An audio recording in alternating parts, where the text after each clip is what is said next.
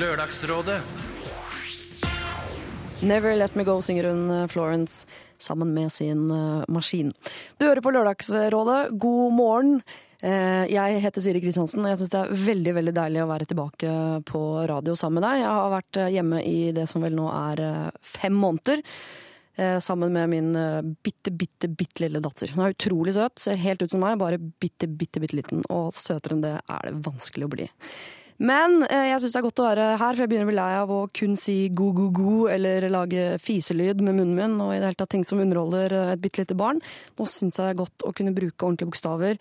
eh, Sette bokstaver sammen til ord kan jo bli en utfordring, og få disse ordene til å bli en setning blir deilig, men det kan bli vanskelig. Heldigvis så er tekniker Jonas her, sånn at hvis jeg hopper over kommaer og i det hele tatt, så får du bare sparke meg i leggen eller spytte meg i trynet. Ja, gjør det.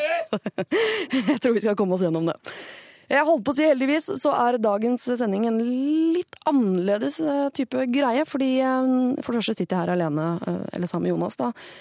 Men vi skal gi deg noen smakebiter fra et show som vi hadde på tirsdag. Da hadde Lørdagsrådet et liveshow på Chateau Neuf i Oslo for en 900 studenter, eh, tror jeg. Og det var fantastisk gøy. Og det har vi veldig lyst til å dele med dere nå. Det er for gærent at det liksom bare skal være til de 900. Vi vil at du skal få muligheten til å, å høre det, du også.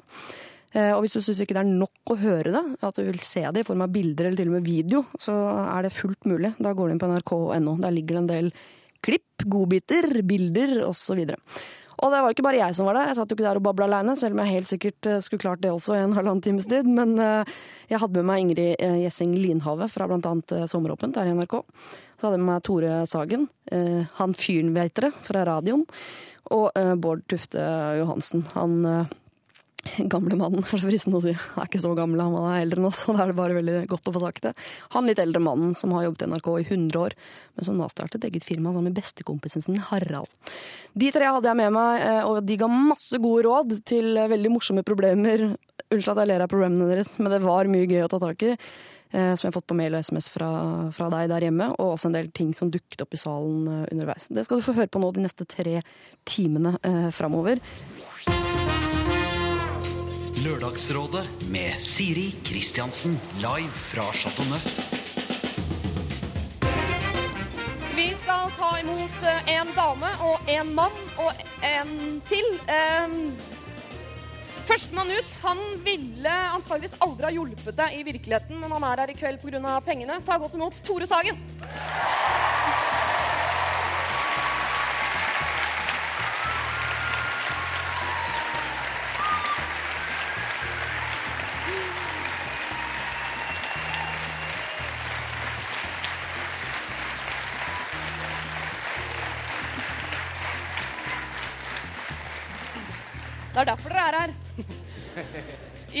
Onaner til radio før dere vet, osv. Hun er skjæringa mot strømmen, eh, altså det eneste mennesket som noensinne har gått fra TV 2 og til NRK. Ingrid Gjessing Lindhave.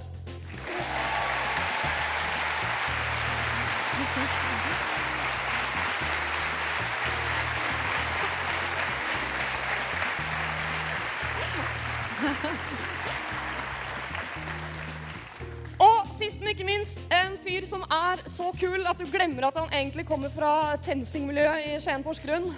Ta godt imot Bård Tufte Johansen.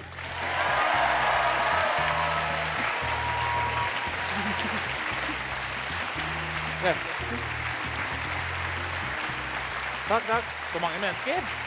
Wow.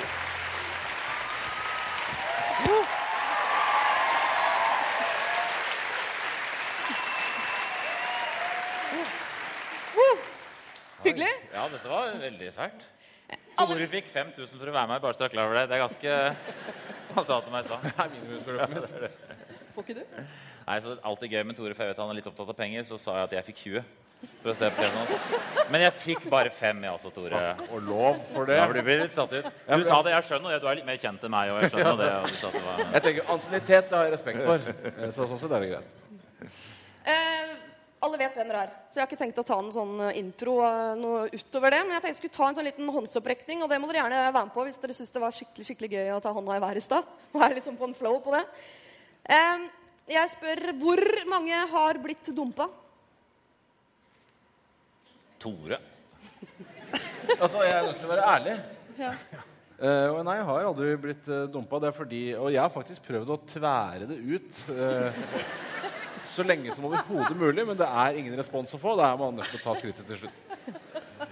Eh, men eh, hvor mange har fått en glede av å dumpe noen? Absolutt. Der var det. Ja, glede, hvis det er en glede. Og det er litt deiligere når det går den veien. Eh, og sist, men Du ikke vet ikke minst om om det er mer glede, for du har ikke prøvd det andre. Altså, jeg Det er ganske deilig, det også, skal jeg si det. Nei, det kan jeg godt tenke meg. Ok, unnskyld. Hvor mange er eh, konfliktsky? Er det noen gutter som ikke har hånda i været nå? Det, Ja, det er sant. det er ljuging. Uh, vi skal ta oss en runde på bare for å bli litt eh, kjent med hvordan dere løser problemer. For det vet jeg, jeg vet hvordan du gjør det, uh, men ikke dere. Uh, Bård, en gammel klassevenninne ber deg stille opp på et veldedig arrangement, men du har ikke lyst. Hva sier du? Husk på at det er veldedig, Bård. Ja, det er det. Jeg får altså så mye veldedige forespørsler, sikkert fordi at jeg har sånn kristen bakgrunn, og, og at de vil ha, er konstant på jakt etter kjendiser. Ja. Men eh, jeg har lært meg én ting, og det at eh, selv om du stiller opp for Kreftforeningen, så er du ikke forskåna for kreft. Det lærte jeg tidlig. Jeg hørte jeg andre kjendiser som hadde stilt opp og stilt opp og stilt opp, og fikk kreft til slutt. Ja. Så da lærte jeg den leksa at eh, det her må du bare se på kalenderen og vurdere det veldig nøye om det passer eller ikke. Men hva sier du da? Nei, jeg gidder ikke. Hvis det er det Eh, som er... det er det, det er veldig Det som, eh, det som er krisa Du må først finne ut dette seriøst da, om de har spikra en dato. Det krise er når ikke de har en dato. Det passer når som helst. Det er forferdelig, for da er det vanskelig å si at det ikke passer. Så det er å ganske raskt finne ut om de har en dato. Og så pleier det lønne seg å ikke svare nei med en gang. Selv om du har bestemt deg for å svare nei, så sier du kan jeg få et par dager å tenke meg om på. Så må du sette sånn memo på telefonen, og så må du sende mail tilbake. Det skar seg. Jeg kunne ikke. Det er sånn teknisk hvordan jeg sier nei, da. Men du sier aldri sånn Nei, jeg er ikke mot kreft, jeg. Jeg er for. Nei, jeg har ikke vært Jeg gjorde det når, eh, når du får barn, så ringer de fra Krybbedødforeningen. Ja. Uh, og, Det er og, nei, men det er sånn, føler jeg sånn kynisk. Og For det at liksom Hører du har fått barn? Vil du støtte Krybbedødforeningen?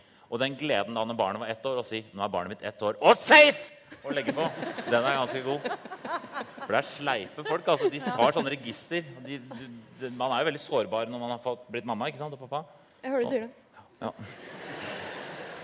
Uh, Ingrid, la oss si at du ser skikkelig jævlig ut en dag. Du ser ut som en haug Ja. med, med søppel. Ja. Og så møter du en gammel eks Ja. på gata. Hva gjør du?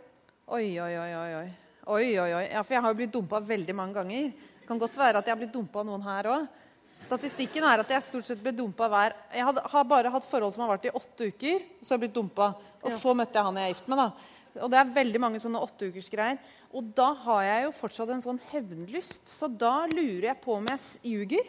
Og så sier jeg du, jeg har akkurat vært på en innspilling av noen nye greier. er Et kjempeshow. Og så så er jeg blitt så innmari hardsminka, og det har bare vært så sinnssykt mye å gjøre. og Noen sexscener og sånn tror jeg kanskje jeg drar på med. Ja. Og så, så, så nå har jeg bare vært rett i dusjen. Men nå skal jeg videre. Jeg skal møte Bård Tufte. Hjem på middag til Bård Tufte. Og Tore, sier jeg. Jeg kommer til å ljuge så det renner. Tore Tufte. Tore, ja, hvem Tore da, sier han. Bård og Tore Tore Tufte. Strømøy. Det er, homs, det er homsevennene mine. De har flytta sammen. Det er lov å ljuge, er det ikke det? Det er det. Jo, jo, Jo, jo, jeg ljuger. Det blir masse ljuging i dag. Ja. Eh, Tore, du kjører over katta til naboen. Hva gjør du? Uh, ja, det der husker jeg at Tønsberg-politiet var uh, i, i et sånn lignende knipe en gang. Og det husker jeg at da kjørte de bare over den en gang til. Ja, det gjorde de. Uh, men jeg, jeg har jo Altså så, ja, Det jeg faktisk ville ha gjort, var I panikken så ville jeg tenkt eh, hvem ville løst dette best. Og så ville jeg tenkt på Lars Monsen. Og så ville jeg holdt den i etter nakkeskinnet og så slått den sånn Helt til han, altså for, til han døde, da. Nei, som han gjør med torsk og gjedde. Ja, men jeg tror ikke Lars Monsen er sånn Han bruker andre teknikker. Jeg tror han vil liksom kanskje eh, liksom sakte kvert den, eller puste han hardt i nesa. Så den, sånn, han ville gjort det på sånn human... Lars Monsen er jo ikke sånn som Nei, men altså, jeg, altså, jeg ville ikke, ikke med panikk i ansiktet, Nei. men jeg ville rolig slått. Nei, jeg. Men jeg mener selv på hva du sier til naboen. Ikke hvordan du dreper katten ytterligere. Der ser du, sånn tenker jeg. Eh, i naboen Jeg er jo hundeeier sjøl, Ja. så jeg har jo god grunn til å drepe katta. Så kan jeg også uh, si at også hunden gjorde det. Uh, Ja. For du sa, som du sa, det er jo lov å ljuge også. Du har en hund på størrelse med en katt. Det er jeg glad Det Ja, det er Ja. riktig. Men det, men, Har, det har, som du er liten, er mye har du liten hund, Tore? Jeg har relativt liten hund. Går, sånn, eh, går du tur med den? Jeg går tur med den, og greia var at jeg, jeg tenkte ikke over det da jeg fikk den. At for den, Nå er den jo liten, men den vil jo vokse. Men så, men så stagnerte utviklingen på et eller annet tidspunkt. Men det er jo følge ofte med brosjyre med sånne hunder. Hvor store de blir. Det følger ikke med brosjyre med sånne hunder. Det er brukthund, dette her, så brosjyren altså, De hadde ikke manualen lenger. Prøver du å gi den veldig mye feit mat, så den i hvert fall blir gedigen i bredden? da? Det er akkurat det jeg prøver å unngå. Det er en grunn til at jeg spør også, fordi Tore er nabo med min onkel. Eh, og de har hund. Ja. Jeg bare lurer på Hvis du en dag skulle kjøre over bikkja? ja, nei, da ville jeg jo da prøve å holde den i nakkeskinnet, og så skal jeg få avlivet den. Hunden eller onkelen min? Eh, hunden først, og så får vi se med onkelen din etter hvert. Lørdagsrådet live fra Chateau Neuf. Dette er et innsendt eh, brev som jeg skal lese i sin eh, helhet. Og det kan høres litt ut som det er et eh, manus til Hotell Cæsar litt sånn på landet. Eh, men det er ikke det. altså. Det er et reelt brev. Ok. Det har seg slik at min søster, som er fem år yngre enn meg, eh, sendte meg en melding i sommer om at hun har begynt å henge sammen med min eks. Eh, jeg var sammen med han fra vi var 16 til 20, og han er en av våre nærmeste naboer hjemme. De er fra bygda. Eh, Jeg har nå hørt rykter om at de har blitt eh, regnet som et par der hjemme. Og det er mer. Fordi da jeg var sammen med han, var hun sammen med hans lillebror. Og vi har alle vært på familieferie sammen. Er det greit å pule to søstre? Eller to brødre, da. Som i tillegg er eksen til søstera di. Jeg har gitt- beskjed til søsteren min om at så lenge dette pågår, så gidder jeg ikke å komme hjem. Det som da er kjedelig, er at jeg heller ikke får truffet min mor eller min bror, som er uskyldig oppi det hele. Vi kommer fra et lite sted der alle kjenner alle, og jeg er veldig glad i dem. Selv bor jeg på Sørlandet, har fast jobb og samboer, så hverdagen går sin gang for min del. Det er godt å vite.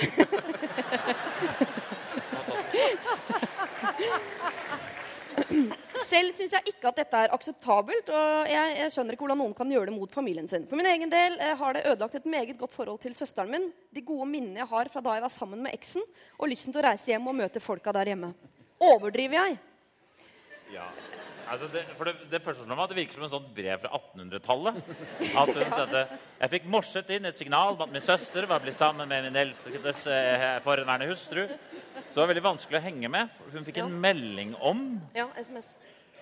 Så hun har visst ikke vært hjemme på mange år, virket det som.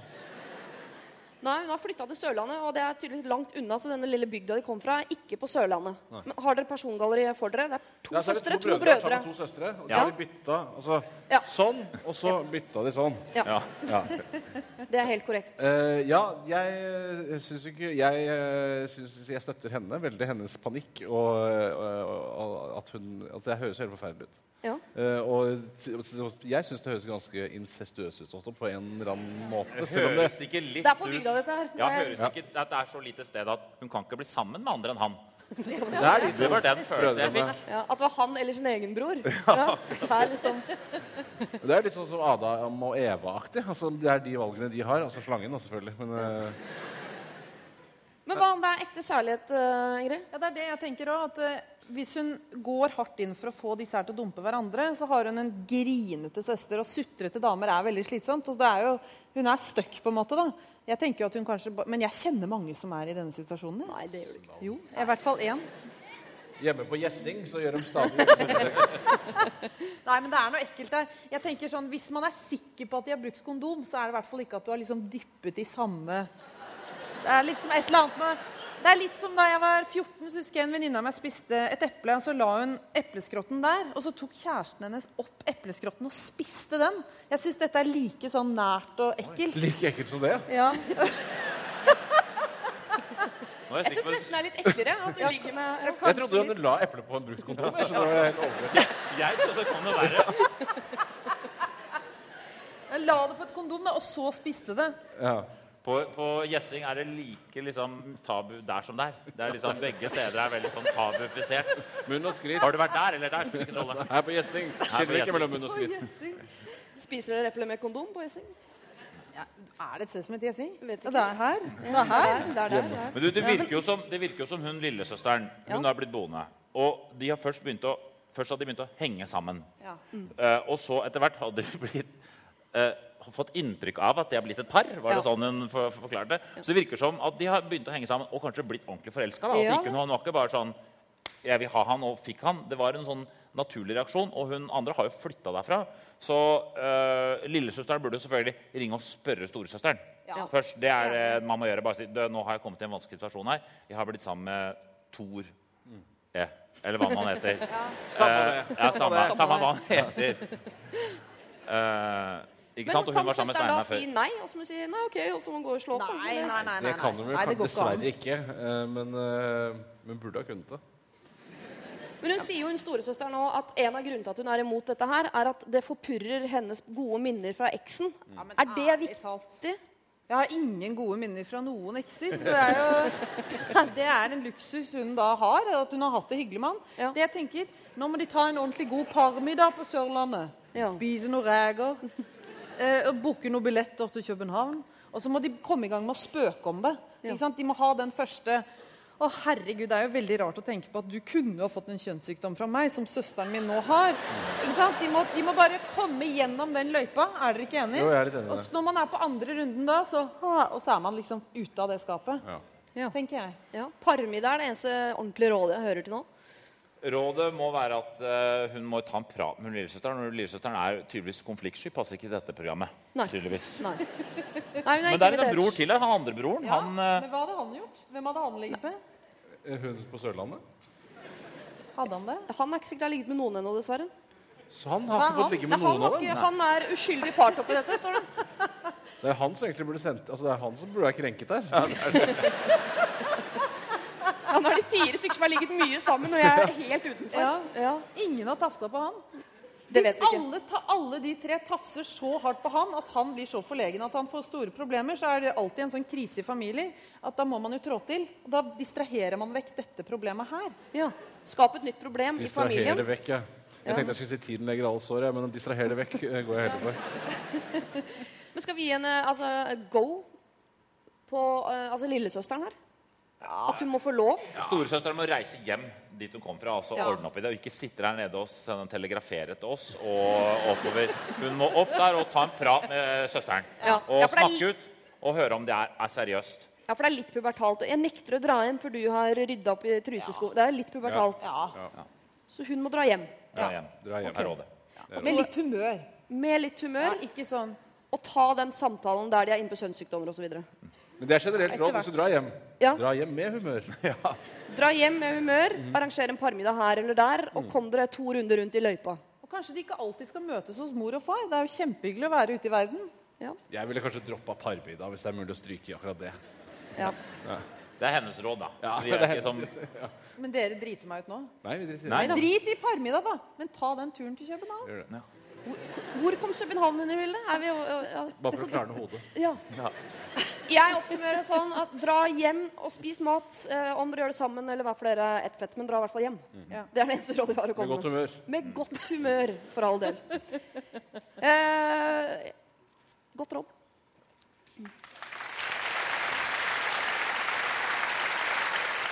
Lørdagsrådet live fra Chateau Neuf. Eh, vi skal møte et ungt par. Eh, Jarle og Sofie, eh, som hun heter. Det er et veldig rart navn, men det er ikke problemet. Hun er svensk, det er heller ikke problemet. Eh, det er vel i utgangspunktet, uten å legge noen føringer, eh, Jarle i forholdet som bringer problemene, om han ikke er problemet. Eh, vi kan jo se litt på det. Hei, jeg heter Sofie. Det er Jarle. Hva heter du? Du spiller sånn? Ja. Hei.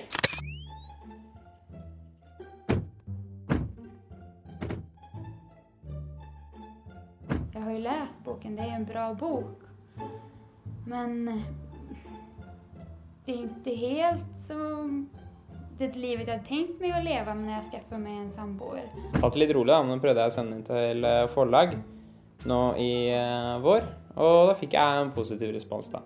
Så de, eh, de sa at det var en del ting som var bra, og en del ting som var ganske elendig, da. Som jeg måtte få fiksa.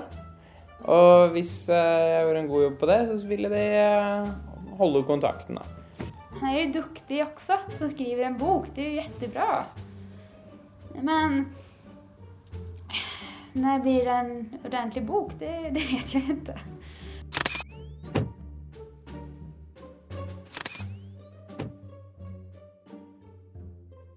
Spandere penger, det kan jeg jo.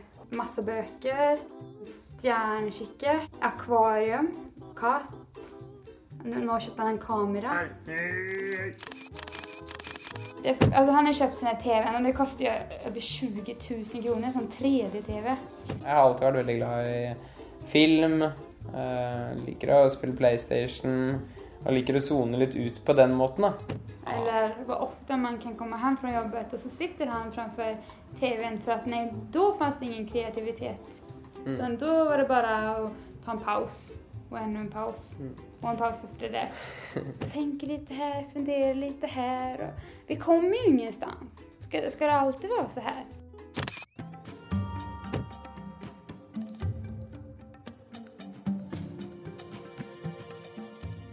Forhåpentligvis kommer det til å komme mye penger senere. eh, og det er en stor sum som gjerne kommer til å dekke alt mulig av liksom regninger og småtterier. da. Men nej.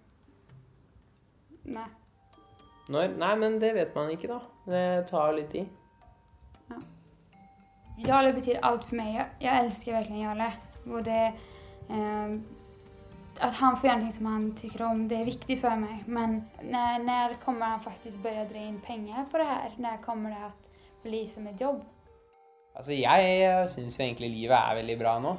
Jeg liker jo veldig godt en tilværelse av å sitte og ha god tid til å skrive og kunne jobbe med noe jeg liker, da. Jeg håper jo at det er det her jeg skal få gjøre hele livet. Jeg vet ikke hvor lenge det er verdt å leve så her og bare gå og hoppas på at det skal ordne seg, at, at allting blir bra til slutt.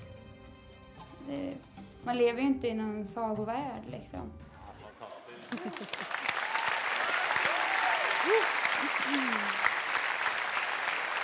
Oi, oi. Ja, eh, Jarle, han, Jarle jakter på inspirasjon. eh, Og det vi skal finne ut av, eh, er vel om denne økonomistudien Skal hun la han liksom få jakte Hvor lenge skal han få lov til å holde på før han må begynne med noe annet? Altså, Altså, kan, jeg, jeg kan jo ikke dømme Jarle ut ifra hobbyer, eh, utseende og generell holdning. Eh, så, for det kan jo hende at altså, det er jo Mange forfattere har jo brukt mange år på å skrive gode bøker. Eh, altså, Linda Bostrøm var veldig tålmodig med Karl Ove Knausgård også. Eh, det er ikke sikkert han har de samme evnene. det vet vi jo ikke. han, Jarle må ikke skrive om privatlivet sitt. Det kan jeg være enig om. Nei, det må han ikke. Det Det, ikke altså, det, en, det må han en bok gjøre. om 3D-TV og, og triksing med vinflasker. Og du hører ikke, du hører ikke Knausgård-bok. Jeg satt og spilte 3D-spill i fire timer. Det er ikke Jeg så sånne ting bestemt han deg meg. Jeg skal ta bilde av katten isteden. Jeg legger også merke til at det ene linja han skrev fra boka si Tja, sa Martin. Til og med karakterene kunne ikke bestemme seg. Selv karakteren sånn. ikke glem det ene kapitlet om den eh, til å varme, holde kaffen varm. Det Ja. synes jeg er veldig... Ja. Alle Hamsun skriver ikke liksom i Victoria 'Elsker du meg?' Tja. Det er liksom ja eller nei. Det er drama. Forsørger hun han? Nei, Han jobber deltid i en dyrebutikk og studerer alt fra litteraturvitenskap, som er selvfølgelig nødvendig, men også litt sånn øh, astrologi og litt sånn ymse andre ting. Ja. Eh, og hun studerer økonomi, men også har vel noe penger, ja. Her føler jeg at vi er inne på sånn farlig sånn mor-sønn-forhold allerede. De- Og de er veldig unge, ikke sant? Ja, at hun veldig. unner han det. Hun har så, å, og så ligger han litt med henne sikkert, da. Det er jo ikke mor-sønn, men altså det er et eller annet sånn eh, Men det blir noe litt sånn trist, fordi dette kommer til å balle på seg. Ja. Hvis hun elsker han så høyt, så må hun få vridd han ut av det der. Jeg hadde blitt helt tullerusk. Jeg mener at han må slutte å skrive bok. Nei, men han må slutte med et eller annet. Det er et eller annet der han må slutte med.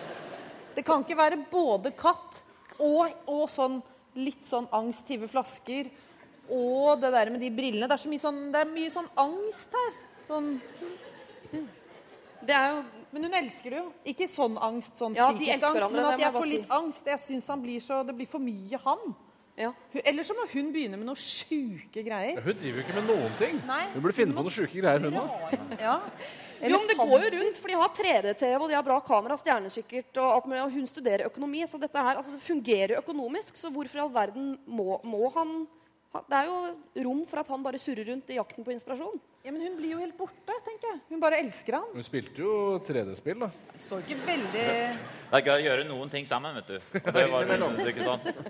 Men, men, men eh, min erfaring eh, et, med et langt samliv er jo da at tiltaksløshet er jo døvt. Jenter syns det er veldig usexy. Så han er i en faresone nå. Eh, For neste gang hun og hun treffer en på byen som er litt taket og fartig, som har planer for livet, og sånn, så er det er ikke lenge før. Da sitter han med en sånn da sitter han som sånn rar Jarle Bernhoft med dataspill. Eh, eh, og, så han er i faresonen som mann. Ja. Fordi at eh, han var jo søt, en søtnos. Ja. Men, eh, men han er så tiltaksløs eh, at eh, jeg tror at eh, hun kommer til å dumpe han eh, hvis ikke han skjerper seg. Ja, det er forskjell på søt og søtnos. Det er faktisk Ja. ganske viktig å understreke. Hva, hva er bra? Eh, Altså, eh, altså en, uh, man kan være en søt og barsk fyr. Man kan ikke være en søtnos og en barsk fyr. Men syns du han er tiltaksløs? Jeg synes han, han holder jo på med veldig veldig mye. Nei, han holder ikke på med så veldig mye. For hvis du tenker på hvor mye muskelaktivitet er det Bok, det er bare, da beveger du på en måte musklene i fingrene. Fisk, da står det sånn. Katt, det er bare nesemuskulaturen. Og så er det barista-greiene. Ah, Flaskegreia, da. Flaskegreia, Det er klart han får noe her. For den dagen hun møter en som sier 'Hva vil du?' så kommer hun til å bli helt sjokkert. Altså at det fins menn som spør om det. Ja. For jeg tror ikke han spør så mye om det. Ja, For han må ikke miste henne. altså Økonomistudenten må ikke ut av dette samboer... eh, Da, går det, da tror jeg det går dårlig. Da går det veldig dårlig. Han, men han, han, jeg tror, når du har skrevet på, i fem år og ikke fått utgitt noe Ja. Eh, Og den bokhylla hans, det var en bok om whisky der, og så var det eh, eh, leksikon, var det jeg så stort sett i den bokhylla. Så han virket ikke som en veldig intellektuell person. Eh, og hvis ikke du er veldig, sånn, er veldig intellektuell, så burde du kanskje i hvert fall prøve å gi ut noe sånn småtteri, skrive noen små noveller, noe et eller annet, i noe, for noen blader, skrive for Dagblad, et eller annet, hvis du bare vil skrive. Men fem år å få sånn høflig Alle får jo det. Det er ingen som får fra Ja, for forlaget i retur. Han sa Det er- jeg, jeg fikk et positivt svar. ja, men forlaget ja. skri, sier jo ikke sånn 'slutt å skrive, den jævla idiot'. De sier jo 'vi eh, passer ikke inn akkurat nå, fortsett å skrive, lykke til', og kom gjerne tilbake hvis du har noe annet'. De er jo, det, er, er- det er et standardbrev hvor navnet står i kursiv. ikke sant? Kjære Jarla i kursiv. Ja. Sånn at han tolker det så han må få, Jeg tror han må få ordentlig høre at dette går ikke. Så hva sier vi må uh, Sofie hun må ikke holde ut med dette her. Hun, er, hun må sette ned foten og si, få deg en ordentlig jobb. Kanskje Sofie må lese den boka, hun òg, og så må hun avgjøre om dette er noe å satse på. Hun syns den er ganske god. Så. Kan de starte eget forlag? ja. Kan de starte Der har du Hun har jo evnene ikke sant? Ja, til ja. å gå i økonomisk utdannelse osv. Men målet hans var jo ikke bare å få gitt ut. Han vil forsørge henne, at det skal betale regninger og småtter og småting. Han er en livs... Han, er en, han, er en, han er lever i drømmeverdenen. Har ikke satt seg inn i bokbransjen. Han tror at bare du får gitt ut bok, ja, da renner pengene inn. Kommer millioner. Alle Altså gjennomsnittlig eh, salget på en debutroman i Norge for forfatter er 700 eksemplarer. 700. Og da er du heldig, så kommer du inn i innkjøpsordningen. Da er det 1500 bøker til. Og da får du 350 eller sånn per bok. Ja, så du Det lukter jo ikke innkjøpsordning sånn lang vei her. Nei, det gjør ikke det.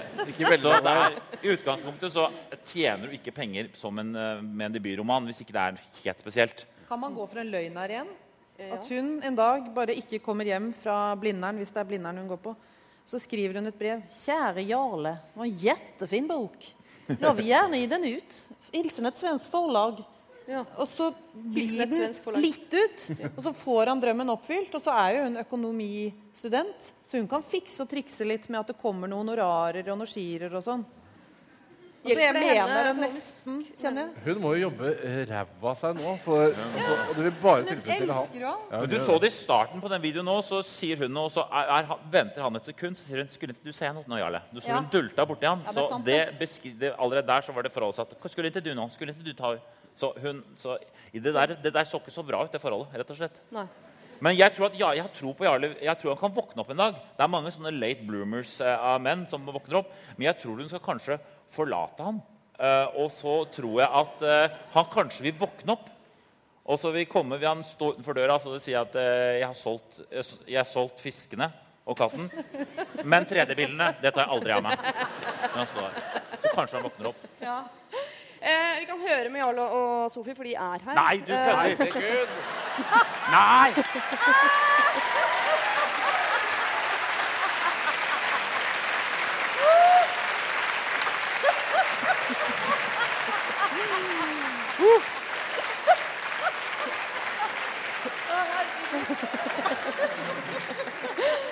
eh, er det Her er det 100 aktuelt å starte forlag?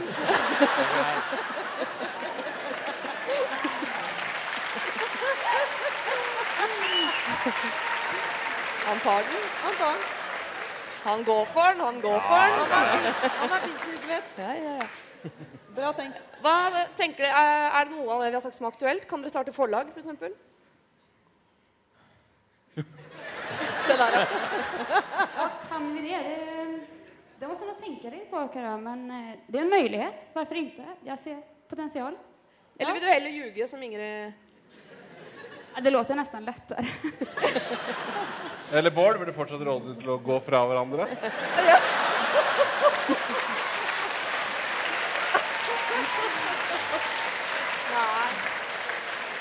Ja, altså For å oppsummere så skal jeg da selge katten, selge fiskene, gi opp boka, og så skal ikke- hun dumpe meg. Men ikke Nei, nei, nei, ikke nå lenger. Nei, du skal selge Nei. Det er utrolig dårlig råd fra Bård hvis du først skal selge noe, selge fisk og katt. Det er veldig lite penger. Men stjernekikkert og 3D-TV og sånn, for det er er mer penger i. Nå Eh, fikk jo vi, eller Sofie, litt penger å investere, da. Investere, det er bra. Det, det jeg liker jeg ikke. Sløse bort på bugg og har du skrevet noe mer? Hvordan går det, hvordan går det med skrivinga? Det er jo bra. Det er jo så bra. Du burde seriøst, du burde ikke skrive den store romanen. Du bør begynne med noe smått og lett. Men ikke novellesamling. Ikke noveller. Nei, det det er for det er det ingen som kjøper. Så det må du aldri gjøre. Men noe mindre og lettere, så du er Altså, i gang. egentlig burde jo du blogge. Egentlig Jo, men Det er jo det man tjener penger på. Om ditt eget liv. Blogging om ditt eget liv. Ja, men jeg mener det på alvor. nå er du kjendis også. Hvis du vil ha penger Oi. Ja, men Hvis du vil ha penger, så må du jo blogge og blogge og blogge. blogge For det har du jo antageligvis muligheten til. Du har jo mange interesser. Det høres jo kjempestress ut, da. Ja, Blogge og blogge og blogge og blogge. og blogge. Men altså Bare skrive alt du tenker, da. Men det jeg lurer på veldig er, hva gjør, er det sånn at dere gjør veldig mye av det du liker? Eller er dere, hva er dine interesser? Ehm, jobba. Okay. Ja, men da er det jo greit. Da kan jo du fortsette med det. Og så kan han Jeg føler vi er i mål der. Da. da fortsetter du med jobbinga, og så kan du bare surre rundt, Jarle. Jeg synes det er. Men hva tenker du, hva, hvis du skal velge, hva syns du Jarle skal gjøre? Hva er det han er god på? Hva er det han liksom, du skal si, etter, vet du hva du bør satse på? Ikke uten å skrive, da. Ikke skriving, men noe annet. Han er bedre på katt enn han er på astronomien. Så... Sats på katt. Sats på katt. Sats på katt.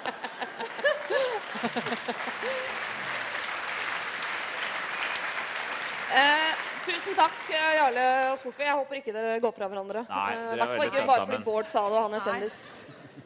Tusen takk. på en gång. Tack. Tusen takk.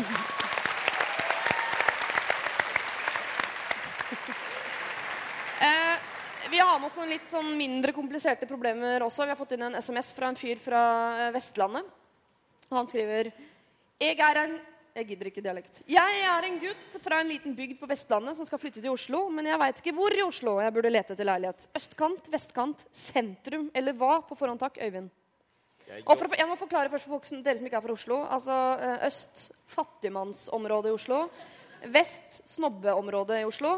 Sentrum øh, hor, hasj og Holmenkollen, sier jeg igjen da. Er det ikke litt der? Jo, vel, jeg jobber jo på Grünerløkka, og der hører jeg stort sett sånn Jeg trives utrolig godt på Grünerløkka. Eh, så det er nok Grünerløkka som er liksom det som er mest da. At jeg bor på Grünerløkka, veldig tøft område. Og mulla Krekar bor der, og det er veldig farlig. Og... Så jeg tror nok det vil være veldig spennende for han. Ja. Øst. Det er øst. Men Er han keen på å være hipp, eller vil han bare finne seg et, en hule? Han vet ingenting annet enn at han er en gutt fra Vestlandet. Nei. Jeg føler jo at han bare først og fremst trenger et sted å bo. Godt observert. ja, du har lest på forhånd du, Ingrid. Ja. Du tenker en, Det er en ledig tomt på Årvoll hvor han kan kjøre karavellen sin inn bak en sanne grustak? Nei, jeg, Skal jeg bygge nå, generasjonsbolig? nei, nå ble jeg bare så hjelpsom, fordi svigerfaren min driver og pusser opp en hybel på, Men det er på Rikken, da. Ja, jeg vil ikke, ikke rykke inn. Ikke Rikken. Nei, ok. Det er veldig langt å dra, ja. ja, det er langt. ja. Hvis ikke så kunne han tatt kontakt med meg. Men en, se for dere en fra Vestlandet, da. Ja. Hvor passer han best inn? Vestkant, østkant eller midt i sentrum? Altså, jeg må bare si, jeg er jo fra Oslo vest. Og eh, når du bor på Oslo vest, så drar du én gang i løpet av 13 års skolegang på byvandring. Da drar du til østkanten. Ja. Så ser du på jødenes gravlund, og så er det sånn Her bor de i noe som heter blokk. Eh, det er veldig rart. Man er på en måte, man bare går opp og ned i samme Spiller ball veldig lenge, så tafser man litt i smug, men det er syndig. Det er noe litt sånn rare greier. Eh, Da ville jeg ikke valgt vestkanten. Det er kanskje like greit å bare komme der det skjer. Det skjer ikke så veldig mye gøy på Det er ikke en svømmehall, det er ikke noe å drive med. Det er, det er vel en kro, og så er det en fotballbane på hele vestkanten. Østkanten, det er mye mer liv og røre. Ja, det er, men eh, jeg vokste opp på østkanten. Jeg visste ikke at vi hadde Jødenes gravlund engang. Det kan jeg godt tenke meg å gå og se, faktisk. Eh, Men jeg, jeg er litt enig. Det er, Ja, det er litt sånn daft på østkanten. Det har jeg skjønt nå først i voksen alder. For det er Daft veldig, på østkanten? Eh, Nei, vestkanten, ja. På vestkanten, ja. Unnskyld, Daft, ja. Ja. Eh, For, men jeg, for jeg var ikke der før i voksen alder. eh, Det er ikke noe å se der. Det er veldig lite å se der. Du er der nå. Ja. Ja, hvis dette er dette vest... Ja. Ja, det er. Jo, det er jeg gangavstander. Jo, så. jo. Mm. Eller er dette Ja, ja. sentrum? Ja, altså, det er jo, er det, Pleier man ikke å dele det ved Akerselva? Trodde jeg var øst og vest for elva. Jo, men det er Grünerløkka plutselig vest. Bjølsen er plutselig vest. Det blir gærent. Vi kan ikke bruke Akerselva til noen ting. Jo, det er Hvis vi tenker sentrum, da, og så øst, og så vest Ja. liksom, Dette er sentrum, da. Ja. Jeg baksnakker ikke sentrum, men jeg baksnakker litt den herfra og Så du har med Majorstua i sentrum? Ja. Da må jeg begynne å tenke over ting jeg har sagt. eh. Nei, jeg vet ikke. Men skal vi snakke om det? Nei, la oss Nei. ikke snakke om det. Rådet er, hvis, du er, han, hvis, du, hvis du er student, Ja. så må det være kulest å bo mm, i sentrumsnært. Det må det være. Altså, da, det er kulest å bo Sankthanshaugen, Grünerløkka. Er ikke det alle vil bo? Ned, den stripa ned mot Grønland. Det er, virker gøy. Jeg flytta fra Skien flytta til Vålerenga. Ja. Det var, eh, Gøy. det var gøyere det enn å bo på vestkanten, tror jeg. Sånn kollektiv, da, eller?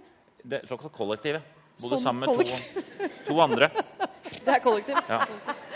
Ok, Ja, Han må jo ha det litt morsomt. Da går vi for østkanten. Da vil jeg bare komme med et råd til han. At hvis han er sånn vestkantfyr, så må han ikke bo på østkanten. For det er de aller verste menneskene jeg vet om. Altså? Vestkantfolk som menger seg med østkantfolk. Som er sånn, du vet, sånn afterski Sånne Hemsedal-aktig. Som er snobb, men som prøver å være harry. Byvandrerne? Eller de som drar på sånn Grusomt. byvandring? Grusomt. Det må han ikke gjøre. Eh, men altså østkanten. Vi vet litt lite om han, da. For vi vet, Vi vet han er Jeg skulle hatt litt mer der. Eneste Ja. jeg ser for meg, er den dialekten. Også, og det Nå ble jeg veldig provosert. Det er veldig ryddig og rent på vestkanten. Og du kan alltids bo litt billigere òg, for det er antageligvis veldig lett for de gamle damene med permanent å få morsfølelse for han, så han kan Ja. helt sikkert nesten bo gratis. Igjen, jeg kjenner folk. Hvis han gjør Hvis han gjør. Hallikvirksomhet fra Ja. Ok, Men det er to fra øst, i hvert fall, merker jeg. Ja. Jeg, jeg tar jeg klarer selv, ikke å bestemme meg helt, for å være helt ærlig. Nei. Jeg sliter veldig med å bestemme meg. Ta det på midten, da. Ja, Da får du ta det på midten, da, som kompromiss. Marka går jeg for. Marka går du for. Marka. Ja, det er veldig Men bra. ikke innafor markagrensa, sier Nei, han. nei, Nei, akkurat på grensa til Marka. Lørdagsrådet på P3. Eh, vi, eller jeg har hatt eh, Lørdagsrådet en stund nå. Eh, og jeg, dere, dere sliter med veldig mye rart, folkens. Veldig mye rart. Men det er liksom en del problemer som går igjen i alle, absolutt alle forhold. Eh, vi skal rett og slett se Nå kan du ta ned den derre Jørgen. Den der skjermen igjen. Uten musikk denne gangen. Eh, vi har snakka med noen folk på gata rett og slett, eh, om hva som er problematisk i deres forhold. Og det er ett problem som utkrystalliserer seg noe voldsomt, som vi skal diskutere etterpå. Og det jeg lurer på er på en måte, Hva er det dere kan krangle om, hvis dere først krangler om noe? Det er vel vaskinga, da. Jeg skulle gjerne vaska litt eh, mer, kanskje. Det er jo hyppigheten da, i uh, seksuelle akten. da, Hvor ofte det her skal skje. Hvis han vil se på fotball på TV, f.eks., så vil ikke jeg det. Det er vel mer at jeg er morgengretten, men han vet at han skal backe unna da. Det er stort sett jeg som blir sur, og jeg sier veldig lite. Beklager litt på ordinga mi. Dytter alle klærne inn i vaskemaskinen på en gang. Alle forskjellige farger sammen på samme temperatur. Jeg blir gæren. Janniken er veldig nøye. Ekstremt nøye. Han er litt slurvete. Typisk ting som eh, husarbeid veldig vanlig. Derfor har vi skaffet vaskehjelp. ikke overlatt alt til meg, kanskje. Det er kvinnearbeid som er det. Vasking er kvinnearbeid. Er det kvinnearbeid? Yes. Hvorfor tenker du det? Sånn har det vært i alle år. Sånn er det våre. Vasking er kvinnearbeid. Nei, sa han det? Ja, ta det. Kvinnearbeid. Eh, Han var søt nå, sa på slutten der. Ja, han var søt. Ja, han var søt nå. oss. Det er veldig vanskelig å diskutere et problem nå uten å diskutere han. Det merker jeg. Det er veldig fristende. Men, og det er lov. Men vasking er et klassisk problem i alle forhold, som man jo i generasjoner har løst ved at kvinnen rett og slett gjør det. Men sånn er det ikke lenger. Eh, Kan, hvordan løser vi det nå? Jeg, jeg, har et veldig, jeg har et generelt veldig godt råd til uh, folk som skal bli sammen. Eh, Jeg har jo da dumpet mange, uh, og så har jeg lært hver gang. Uh, og et veldig godt tips er hva man går inn med. Eh, og det jeg lærte å gå inn med, var at man burde gå inn som en typisk mann. En sjuskete mann, som de da sier. Han er litt vanskelig, han rydder ikke etter seg og sånne ting. Så jeg legger på ekstra med rot og dritt. Eh, og da sier hun sånn, etter, etter lenge ut i forholdet, da, man begynner å bli, komme litt ned på bakken, sier sånn ja, du roter veldig mye. Ikke noe problem for meg å rydde vekk. For jeg vanligvis rydder jeg jo. Men jeg har lagt meg til dårlige vaner som jeg kan fjerne igjen etter hvert. Egentlig er jeg en ganske feminin mann eh, sånn, i forhold til ryddeverdier. og sånn. Det var Jeg er helt fascinert. Det er, det er, litt, det er litt vanskelig å ta med en gang, men etter hvert må vi få tenkt litt på det. Men det Nei, men jeg syns synes er så godt at jeg fikk lyst til å bare si sånn kjempeflott og gå videre. Men Ja, det det er jo helt fantastisk. Ja, men det, Man må jo være litt føre var, da. Det er sant. For de som er midt oppi det, da, er vaskehjelp blir jo nevnt. Det tipper jeg du har. Ja, vaskehjelp, ja. Ja. ja det, det må man jo ha, rett og slett. Eh, og det er jo Det kom en ny rapport at uh, kvinnene nå gjør mindre Altså, kvinnene gjør to timer mindre husarbeid.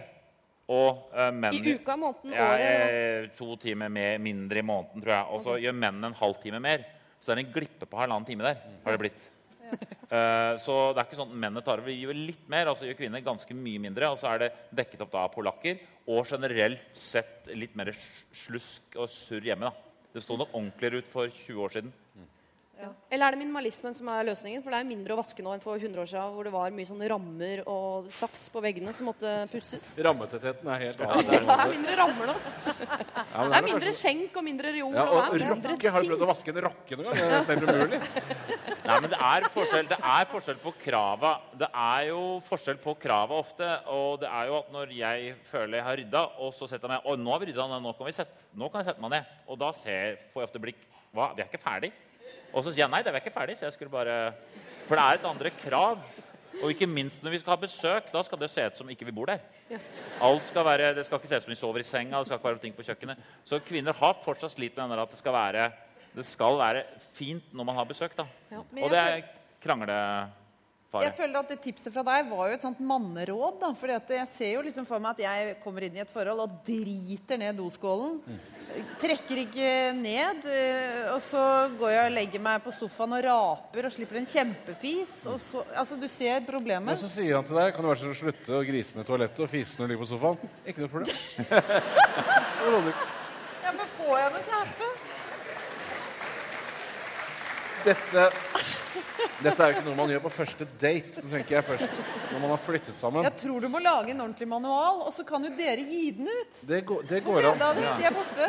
Nei, der er dere. Det går an. Det Den går an. boka Det kan vi gi ut. Mm. Fordi at hvis du bare, du må gjøre det, for jeg ville antageligvis bare gått hardt til verks og gjort det på første date. Du må Mm. virkelig alle klokkeslett for når man skal utvikle den bedre seg selv. Herregud, du må jo spe det utover et helt liv. Jeg Mener har jo ting det? igjen som jeg kan bruke når jeg er 60-70 år. ikke sant? Men er det ingen som mener at vi burde gå tilbake til at bare dama tar det? Det er så grei arbeidsfordeling. Det er så mye agg fra kvinner. Og Jeg de, tror det, Hvis det er et mål å få ligget med disse damene, så tror jeg det er et mål å få det litt likestilling sånn på hverdagsbasis. Og så syns jeg faktisk det poenget med altså Man blir irritert av all den der vaskingen av alle farger sammen. Menn tar jo ofte med seg sorte og grå klær inn i et forhold, og damer har med mange farger. Og så vaskes alt sammen. Og jeg har i hvert fall funnet ut at det er en god hevn. Og jeg hadde kjøpt nydelig hvitt undertøy i sommer. Jeg har vært gift med han i tolv år. Og så er det jo selvfølgelig et ønske om at man av og til skal være tett. Og da tenkte jeg nå skal han faen få svi, for nå var alt undertøyet blitt så jævlig stygt. For han vasker det med sorte ting. ikke sant? Så da tok jeg det på meg, gikk ut i stuen og sa 'Får jeg bjuda på det her?' Og så gikk jeg inn igjen. Tok på meg det nye settet mitt. 'Får jeg bjuda på det her?' Og så følte jeg liksom at da hadde vi i hvert fall kommet inn i en sånn Hvordan var dette en hevn? Altså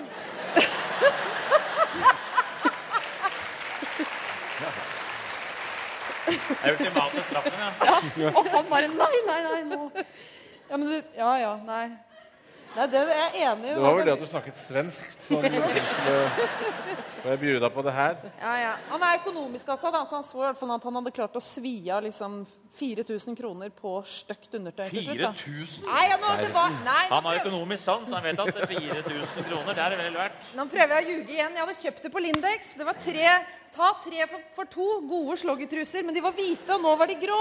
Jeg hadde bare ikke lyst til å si det her. Og litt sånn småbrune. Og nå grå. Og nå grå. Ja, men nå går vi videre. Ja, vi, jeg, jeg, jeg skjønner ikke hva vi har snakket om Nei, de siste ikke. fire minuttene. Så vi bare går for Tore sitt. Mener du det? Hva er helt jævlig i begynnelsen, og så fjerner du etter hvert falske, dårlige sider ved deg selv. Det er helt riktig. Bra. Og damer òg. Damer òg. Damer. Damer. Fra nå av så skiter vi ned doskålene, kvinner! Er dere med? Det er en vane man burde legge seg etter hvert. Da. Lørdagsrådet live fra Chateau Neuf. Jeg tenkte rett og slett at nå har dere fått så uh, god betenkningstid i salen at hvis det er noen som sitter og ruger på et problem, så er vi åpne for det. Hånda i været. Der oppe er den. Den som står og ruger der oppe. Sitter du der og ruger? Der! er Langt der oppe. Ja. I blå skjorte. Helt oppi toppen der. Du må reise deg. Du burde visst, ha visst det på forhånd. Du skulle stille spørsmål. Du kunne satt deg langt foran, men det er greit. Eh, ja, hvis du skal være på Chat Neuf og eh, se på showet deres, og så må du gå på do, og så kommer du på do, og så må du pisse, og så ser du en jakke som henger over ene do... Ikke doskåla, men doveggen. Og den passer deg som bare faen. Skal du ta den? Oi, oi, oi. Er det noen inne på avlukket? Er det... Nei, det var helt, helt tomt. Ja, okay, Noen har glemt en jakke, du vil ha den. Ja. Er det et dagsaktuelt problem? Jeg tok den ikke. N- Du tok den ikke. Nei. Henger det en jakke nede på do nå? Ja, det gjør det. Skinn? Da har vi i hvert fall løst et annet problem, for det er en eller annen i salen her som har et problem med at den har mista jakka si. Skal man ta den? Det er jo ja-nei-runde. Vi trenger ikke å snakke om det et kvarter, føler jeg. jeg har gjort det. Jeg har gjort det. Har du tatt den Jeg jakka? stjal en eh, Nei, ikke den, men jeg stjal en sånn eh, Jeg var på et lignende opplegg, og da var jeg 17 og hadde ukelønn på 50 kroner i uken. Og det funka jo ikke. Fikk jo aldri kjøpt meg noen nye greier, så jeg arvet bare broren min sine klær. Og det var jo sko i størrelse 43. Det var forferdelig krise. Så kom jeg På over en på vestkanten så kom jeg da over en oilskin-jakke. Det er meget populært på vestkanten. Den var altfor lang. Den gikk til dit. Så jeg teipet den opp, eh, sånn at den på en måte var perfekt. Men så i løpet av den høsten så Man går veldig rart når man går med stjålne klær. Det er akkurat som man på en måte Man går passgang. Man går sånn, for man er så stressa på at alle skal skjønne at det er stjålne klær. Og etter hvert så begynte det å dette ned, så det ble på en måte mer en skinnfrakk. Jeg vil ikke anbefale det. Jeg har aldri vært så stressa i hele mitt liv som da jeg var på en måte i tyveklær. da. Var det et godt svar? Ja, La, for jeg bare ja, føler du sånn- kommer til å ha et stressnivå hver gang du er på Går du på Blindern? Du bor i København, Ja, men da kan du da er det ikke noe problem. Ta Ja, ja, ja. Nei, det er visst Da er det jo ingen som vet noen ting. Herregud, kjør på. Kjør på. Andre? Jente, Noen første der rad. oppe, kanskje? Jonas? Nei. Eh, Hun Ja, eh, vakre, bloggaktige blonde. Du må stå. Se typen jeg er stolt av. Match til tatoveringa. Ja, hva er problemet? Em, jeg jobbet på et eh, kjøpesenter hjemme i Haugesund. Kvadrat? Nei, det er i Stavanger. Ok, Da blander jeg de to byene. Er det storsenter eller vanlig senter? Det er et storsenter. storsenter. Amfisenter, eller? Nei. Hva slags butikkmiks er det? Er det overvekt av klær? Henne smøret. Ja. ja. Neida. Men uh, tingen er um, Det var et barn som sølte noe på gulvet. Og vi hadde ingenting å tørke opp med. Så jeg eh, måtte springe ut på lageret, ut av butikklageret og inn på et annet lager. Eh, og jeg hadde hatt en gammel telefon veldig lenge, så hadde jeg nettopp fått en ny iPhone. Og da måtte jeg jo eh, laste ned eh, Instagram. Så jeg gikk, også, gikk rundt med den og så, så på ting jeg skulle ta bilder av. Når jeg kom inn på kottet Instagram det er sånn bildeblogg-tjeneste. ja. Og når jeg da kom inn på, inn på kottet, der fant jeg eh, vaskedama og en, eh, en som jobbet i en annen mannebutikk. Dressmann? Eh, nesten. Claes Olsson, selvfølgelig. Og da hadde jo kameraet klart. Oi. Eh, og da måtte jeg jo nesten ta bilde. um, så sprang jeg ut igjen, og de så jo ikke hvem jeg var. Men han eh, fyren han, de fleste, i Haugesund er en liten by, og de fleste vet hvem det er. Og de fleste er veldig bitre på han. Eh, så problemet da? Er rundbrenner? Ja, Han er en douche. Han Ja, er en, hva han- for? En dusj? En rundbrenner. Nei da. Eh, jo da. Men Å, standup. Nei da. Jo da. Ja. Nei, men iallfall eh, problemet er da om jeg skal um, Altså, jeg, jeg deler jo alt. Eh, spesielt når jeg er ute, og når jeg har vært på fest. Har du blogget dette bildet? Nei, jeg Nei, har okay, ikke det. Jeg har sletta det på telefonen, men det ligger inne på, på dataen. Ok, da overført det. Bra. Så om jeg bør da Om jeg bør holde meg, eller om jeg faktisk bør sende dette, dette videre, da hadde mange uh, unge sjeler blitt uh, blir ganske glad. Ok, Du har muligheten til å gi mange jenter den ultimate hevnen Ja. ved å poste et bilde av han som ligger med vaskedama. Skal hun gjøre det? Fikk du tørka det? Godt mulig. Hvor mange har du vist det bildet til sånn som står her nå? Jeg har vist det til mamma. Til? Til mamma?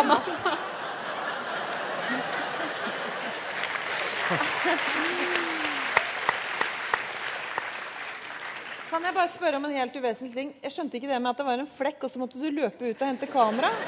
Du trengte påskudd for å løpe ut. Nei, men det er ikke lov med telefon på henne som Maurits, vet du. Der er det strenge regler. Ja, hvorfor skal du ringe noen fordi det er en flekk?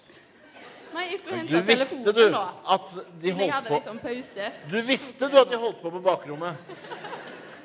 Hadde du en anelse?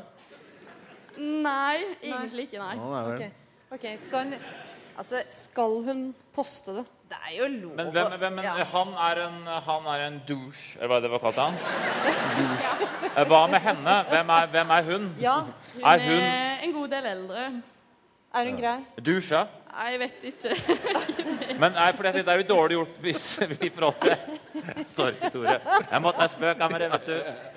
Det er litt dårlig gjort overfor henne, er det ikke det? Eller kan man sladde henne, fotomanipulere henne? Ser du? ISS-logoen liksom på siden der? sidene? Nei, hun hadde nok bare blitt glad. Hun har blitt glad. Ja, for hun trenger rett og slett litt blast. Ja, det tror jeg. Dusja trenger blast. Nei, da, det er en vinn-vinn-situasjon for absolutt alle, virker det som. Jeg har, Har du det bildet her, eller? Nei, det er sletta, ellers så hadde det blitt vist i hele Oslo, tror jeg. Ja, Mm. Nei, Folkens? Jeg, jeg syns uh, vel at ikke du skal poste på dette. Det ligger der forever. Nå er jeg veldig kjedelig. Jeg synes det i forhold til henne, jeg tenker at Hun syns det, var- det var kjempeartig at det kom ut, sier hun kanskje på byen, men hun er egentlig lei seg. Ja. Og hun, hun, hun har det sikkert ikke så lett, hun dama. ser jeg meg. Jeg sier, jeg sier som Jarle Bernhoft. Jeg bifaller deg, Bård. Eh, og fordi Du har sagt Jarle Bernhoft to ganger i dag. Nei. Nei, det var han som Jarle Bernhoft i stad. Oh, ja, okay. Ja. Jeg tenkte å strekke det inn en siste gang. Jo, det var at um, jeg føler at det at du har bildet, er på en måte sjakkmatt. Eh, og så ikke gjøre det siste trekket, men at det at du har det, gjør det verre for deg. Du har et våpen. Men er det, hvor, hvor, det moren din, er du nysgjerrig på moren din? Viser du Har du så tett for at du kan vise noen som Sjå, mamma, hva det gjør? Er det, det er ganske imponerende. Jeg syns det er ganske bra. da. Kanskje hun måtte spørre moren sin først hva er det de driver med på dette bildet. Ja, mamma er up to date. Hun Ja. kan dette her, altså. Haugesund i en liten by, og har sett det før. For moren din er ikke vaskehjelpen på kjøpesenteret. Jeg tenker at Hvis han fyren, han douchen, hadde uh, kost med seg selv og bare seg selv, så bare han som Ja. hadde Så vær, smør det ut. Mm, ja. Men pga. Altså, sympati for vaskedama. Ja. Men aldri slett det. Nei, nei, nei. nei, Og du kan få Nei. gode rabatter. Ja. Det er Ja. Backup, backup, backup. Ja, det er veldig viktig. iCloud er noe som heter. iCloud. iCloud. Der oppe. For alltid. Eh, tusen takk. Veldig bra. veldig bra dilemma.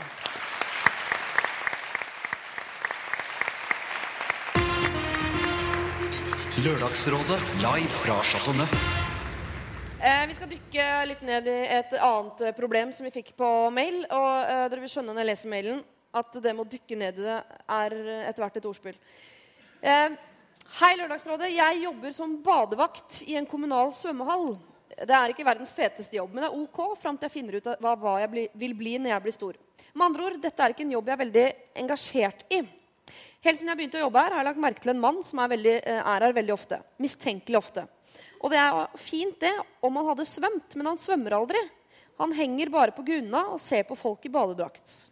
Han har svømmebrillene på og følger med under vann.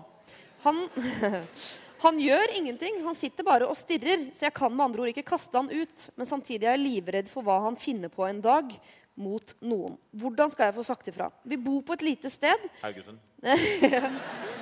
Eh, og det er mange som vet hvem denne mannen er. Han er også onkelen til en jeg kjenner.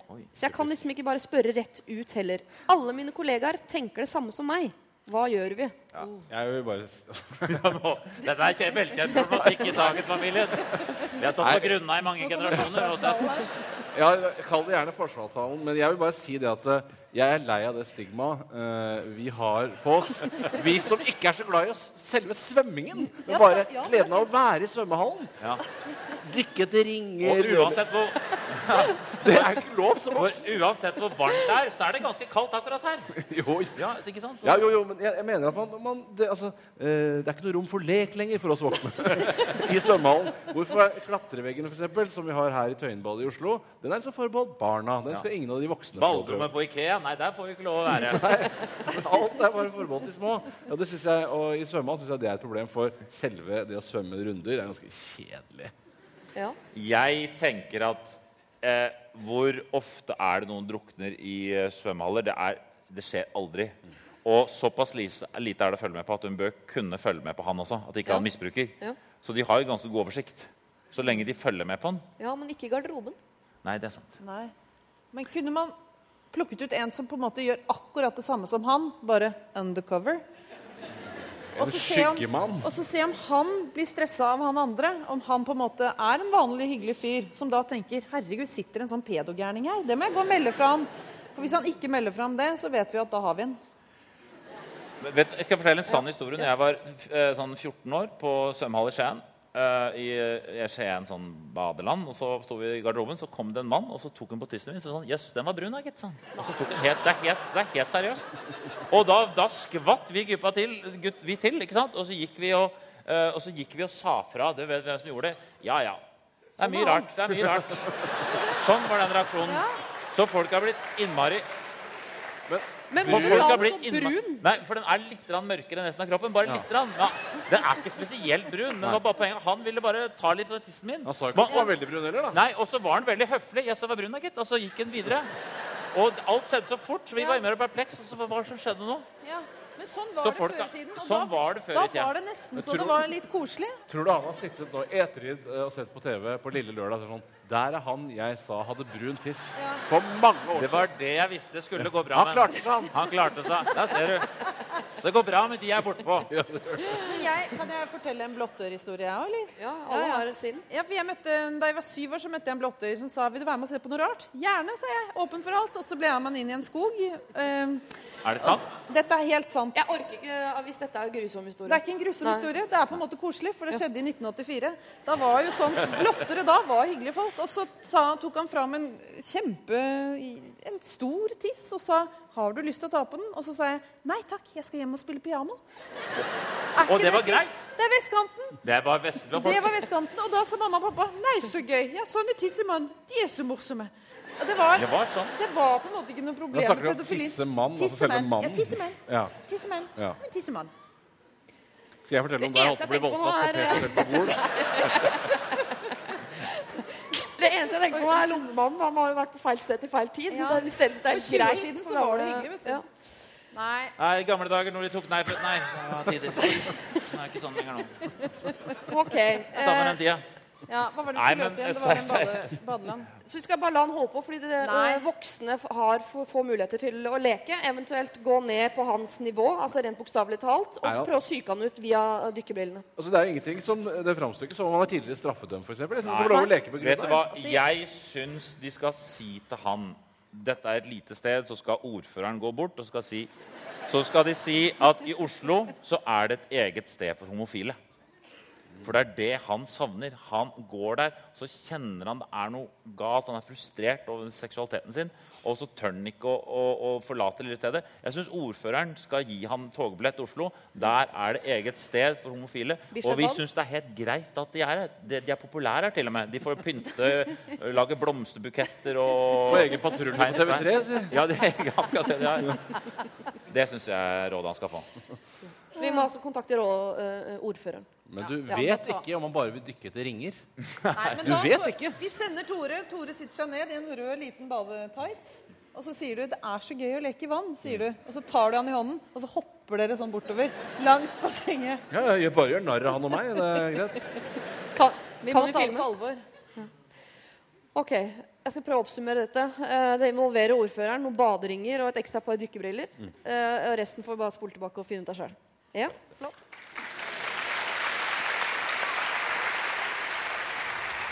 Lørdagsrådet live fra Chateau.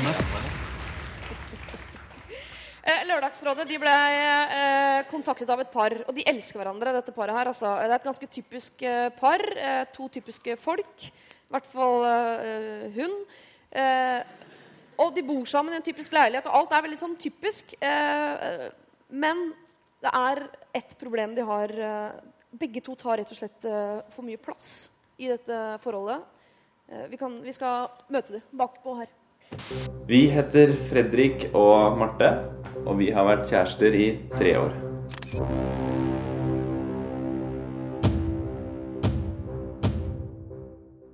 Når hun har jentekvelder, så ja, Hvis jeg f.eks. har vært på seinvakt og kommer hjem sånn i 10-11-tida De sitter her og kanskje snakker om sex og sånn som jenter gjør.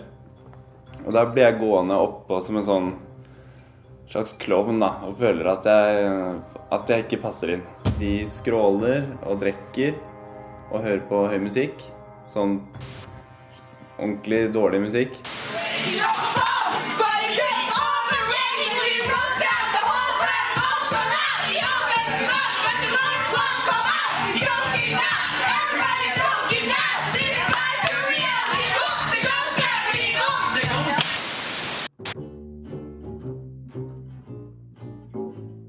Det er jo helt normalt for en jente å kunne ha jentekvelder i sin egen leilighet. Eh, Det som ikke er så normalt, syns jeg, da, det er at han skal invitere med seg eh, disse jazzgutta hjem og ha bandøving i leiligheten vår. Ganske høyt lydnivå. Sinnssykt rare jazzmusikere som okkuperer hele stedet. Eh, Og jeg blir da sittende på kammerset opptil flere timer.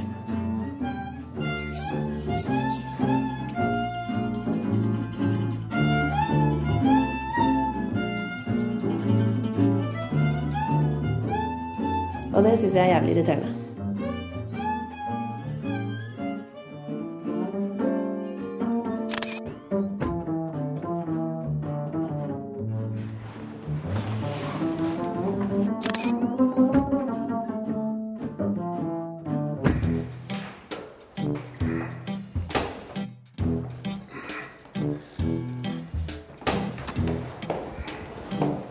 Jeg bruker den bilen her når vi skal på konserter og turneer og sånt.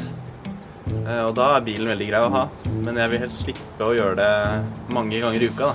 For det er, eh, det er jævlig styrete. Pluss at den kan bli ødelagt. Jeg har fått sprekker og riper i den før. Så hvis man driver og flytter mye på den og ut og inn av biler og sånt, så er ikke det helt bra, det heller.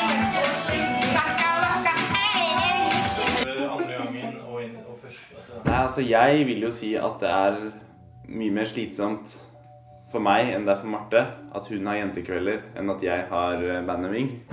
Eh, Og sånn som det er nå, så tror jeg vi blir boende her en stund, da. Og da ser jeg ikke noen annen mulighet enn at han må flytte de øvingene. Oi, oi.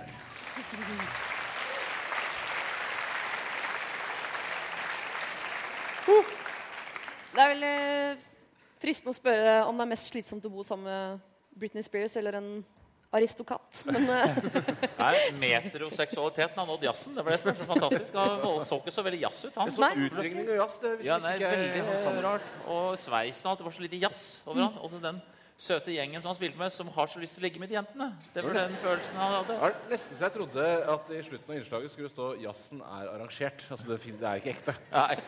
Men eh, det må det åpenbart være. Og jeg, det er jo noe med at uh, eh, hører jo mer hjemme i en liten leilighet enn det jazz gjør, på en eller annen merkelig måte. Mm. Eh, det, er en, det- det må sies det er en bitte, bitte, bitte liten leilighet. Fikk inntrykk av det. Kjempeliten leilighet. Men jeg mener at da, hvor, hva skjedde med øvingslokalet? Det er jo det alle band Det er sånn der, Faen, jeg må skaffe øvingslokale.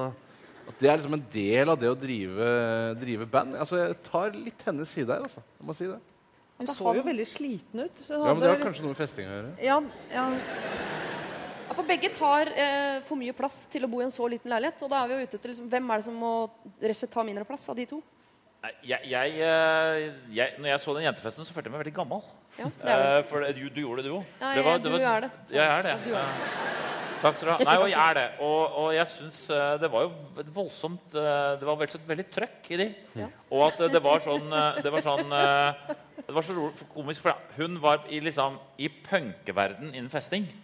ADHD-punkefesting. Mens han var på liksom så veldig forsiktig musikk der nede. Så de passer jo på en måte ikke sammen sånn uttrykksmessig. Nei. Nei, for Eh, Man kan ikke kjøre kombinasjon at de fester til hans jazzmusikk. Nei, Eller? det er akkurat det ikke kan. Det hjelper ikke, altså, Selv om uh, du skrur på jazzen veldig høyt, så blir det på en måte ikke noe mer intensitet. Nei, det. og det var ikke gladjazz heller. Nei, det var ikke det. Nei, nei, det var var vanlig melankolsk. Det var sånn Jan Erik Vold, Bislett-greier. Ja, det var det. Trikken, ditten og datten-aktig. Det skal sies at han jobber som sykepleier, egentlig, men han tjener penger på musikken. Og de skal snart gi ut plate, og de er liksom et band som er, eh, har godt rykte. Og, altså, er, han, var, han var veldig kjekk, var han ikke? Også sykepleier. Redde liv også etterpå. Bom, bom, bom, bom, bom, bom. Ja, Han var en veldig flott type. da. ja, Han er en keeper. Han er en keeper. Jeg syns, jeg, syns, øh, jeg syns du skal passe litt på han. Jeg syns, han var, jeg syns øh, fra et heteroseksuelt perspektiv vil jeg si at han, han er bra. Det som Han er kommer- veldig, veldig bra, vil jeg si. Og det som kommer til å skje, er jo at det bandet kommer jo da til å bli berømte. Og da kommer jo deres sexappeal til å øke noe helt enormt. Så da kan de ha muligheter hos disse jentene som i utgangspunktet ikke er interessert i dem, for de ser litt mer sånn De er jo litt sånn Litt bleke ja, de, er så, de er sånn bløte og myke, på en måte. Veldig sånn sårbare, eh, følsomme menn.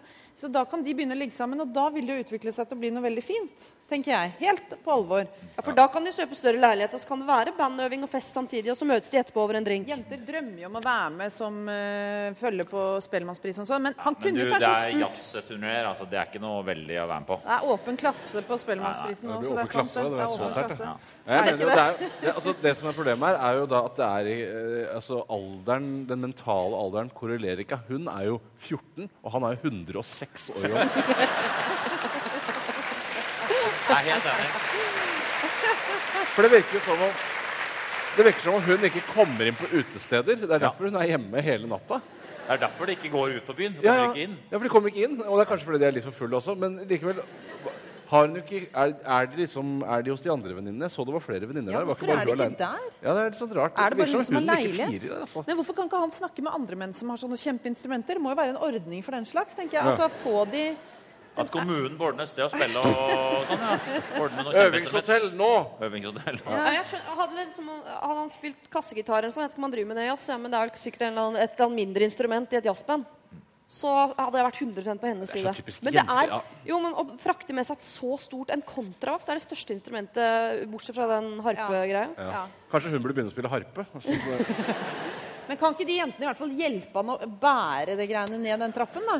Jeg ble litt irritert på de. Men har det blitt en sånn dårlig spiral i det forholdet? For det virker som liksom eh, Han øver, hun har jentefest.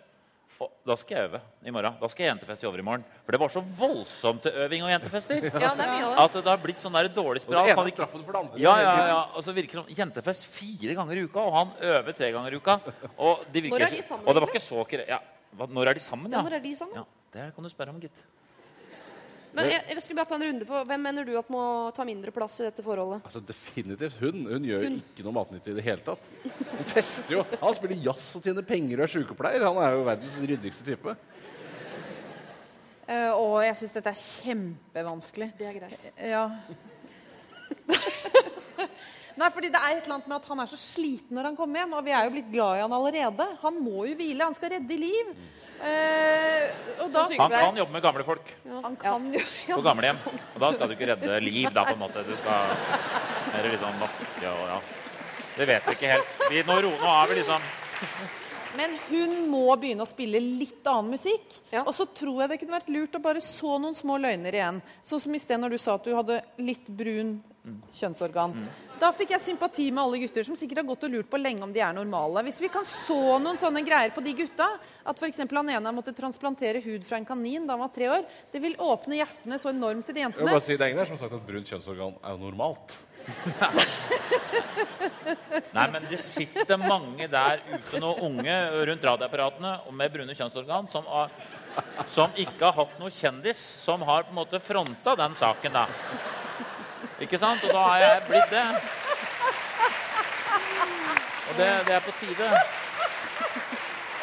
Jeg tenker, Hvis du i tillegg hadde vært Nå ser du på deg den pensen. ikke sant? Ja. Hvis Nei, du sånn, også Hei, hadde vært jeg er Bård Tufte Johansen. Jeg er brunt kjønnsorgan.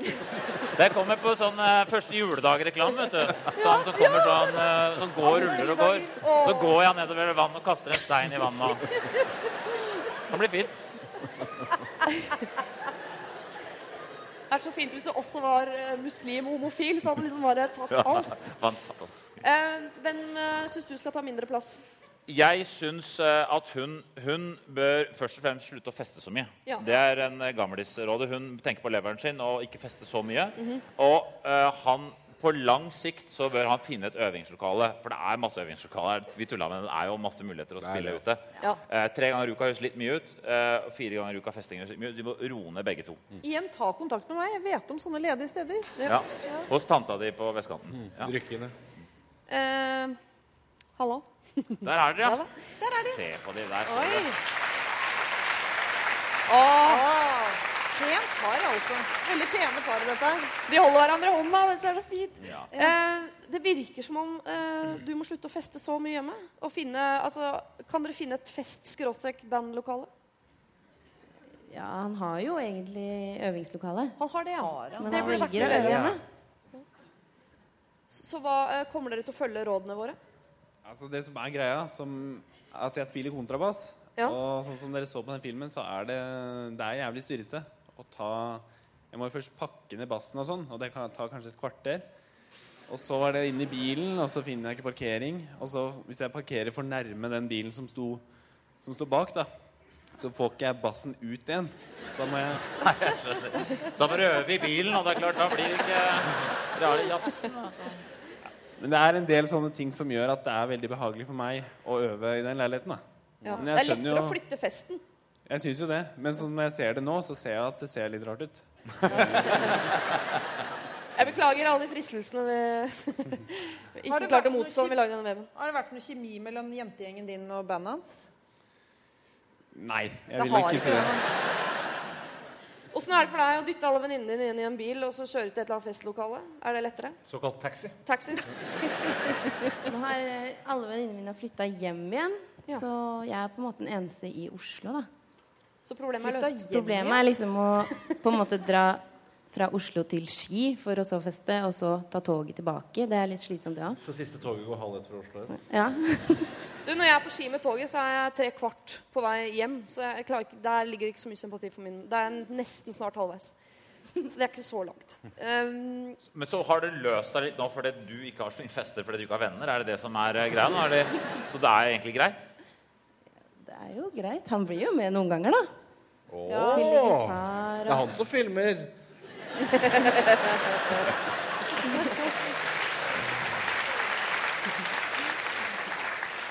jeg ønsker dere lykke til. jeg. Takk, takk. Som par og mennesker.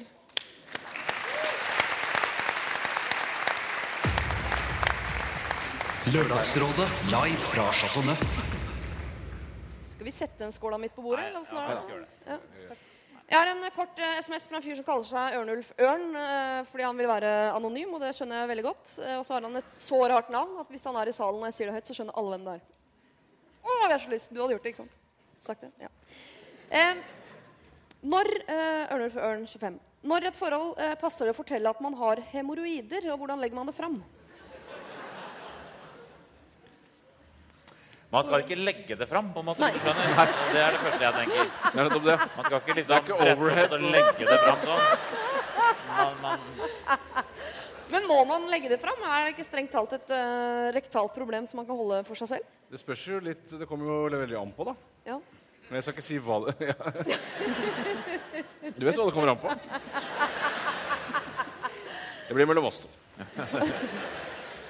Eh, det kan jo være fint å, å få lagt det fram eh, på et eller annet tidspunkt, kanskje. Mest eh, når man er ute etter sympati, tror jeg. Jeg tror Hvis man sier sånn Vet du hva jeg har, eller? Jeg har, jeg har faktisk hemoroider, jeg. Eh, Så tror jeg at eh, man eh, vil få Å, stakkars deg, snarere enn æsj, din gris. Eh, jeg tror kanskje, for Hvis det er sånn at eh, han har veldig vondt og eksempel ikke kan sitte, så er det veldig teit fra at han Hvorfor setter du deg ikke? Nei, jeg bare liker å stå og gå litt rundt i huset. Han aldri setter seg på flere dager, da. Så blir jo det virkelig mistenksomt. Jeg tror det er bedre å For hvis ikke en kjæreste tåler hemoroider, er det er ikke noe da med hat, Tore. Er du enig? Nei, Det er noe av det vakreste du har sagt i hele kveld. Ja, jeg synes det. Det må ja, det burde nesten trykkes på T-skjorter. Ja. Hvis det er snakk om Jeg var en kampanje en gang, det òg, faktisk. Nå føler jeg at du er så naken og sårbar her. Du har brun tiss og Ja. hemoroider. Jeg tar den, den hemoroidekampanjen med i slengen, ja. Er det ikke den kampanjen med T-skjorter Han vet ikke at jeg er hemoroider. Han vet ikke at jeg ikke tør å spørre. Ja. Han vet ikke at alle er brune tisser. Så det er noe T-skjorte. Men, men altså, ikke legg det fram rent fysisk, eh, og ta det opp eh, i en sammenheng hvor du trenger sympati. Ja. Ja. Ingenting å fortelle. Jeg fikk sånn forsikringspapirer fra Nordea. Det sto 'fortell om alle sykdommene du har hatt'. Så sa jeg til mannen min ja, da er det bare å kjøre på, da. Så jeg skrev om en vanvittig soppinfeksjon jeg hadde i, i 98. Så sa han det er ingen grunn til å si det til banken. De har absolutt ikke noe interesse av å vite det. Sa jeg, det er nødt, de er nødt til å vite det. Det er jo kjempeviktig. Tenk om jeg får det igjen, og så blir det over hele kroppen, og jeg må ha forsikring. Så, og, og det er jo ikke sånn forsikringsselskapet tenker. Og det er ikke sånn kjærester tenker heller. Vi trenger ikke å vite det. Og den rumpa, det er visst bare å stikke noen små stikkpiller inn, så ordner det seg. Damer som er født, vet jo alt om det. Hva sier sykepleieren? Er det lett å fikse? Ja, Det går bra, det. Det er bare noen piller, sant? Er det ikke det? Ja. Spørre. ja, er det liksom Det er ikke snakk om en tredje rumpeball her, liksom. Det er ikke aperæv vi snakker her. De, eh, det kan jo se ut som noen sånne drueklasser som henger Oi. ut. Altså, eh, Men det er ikke stikkpiller. Jo, man kan ordne med stikkpiller, Ja, men det er mer symptomlindrende. Så selve hemoroida kryper ikke opp av det. Oh, Hva gjør man da? For den skal krype opp, ja. Nei, altså hvis, Det hender at de går tilbake av seg sjøl, men hvis det er en veldig svær en, så må man jo ta det kirurgisk. da Så det høres jo ut som Og det bør ikke hun gjøre. Nei. Er det ei dame som har det nå? Nei, Ørnulfaren. Nei. Det er en mann som har det. Får damer det? Eh, Gravide damer får ofte det. De har jo så økt trykk i buken, så de kan jo få det. da For en mann av det! Dame nå.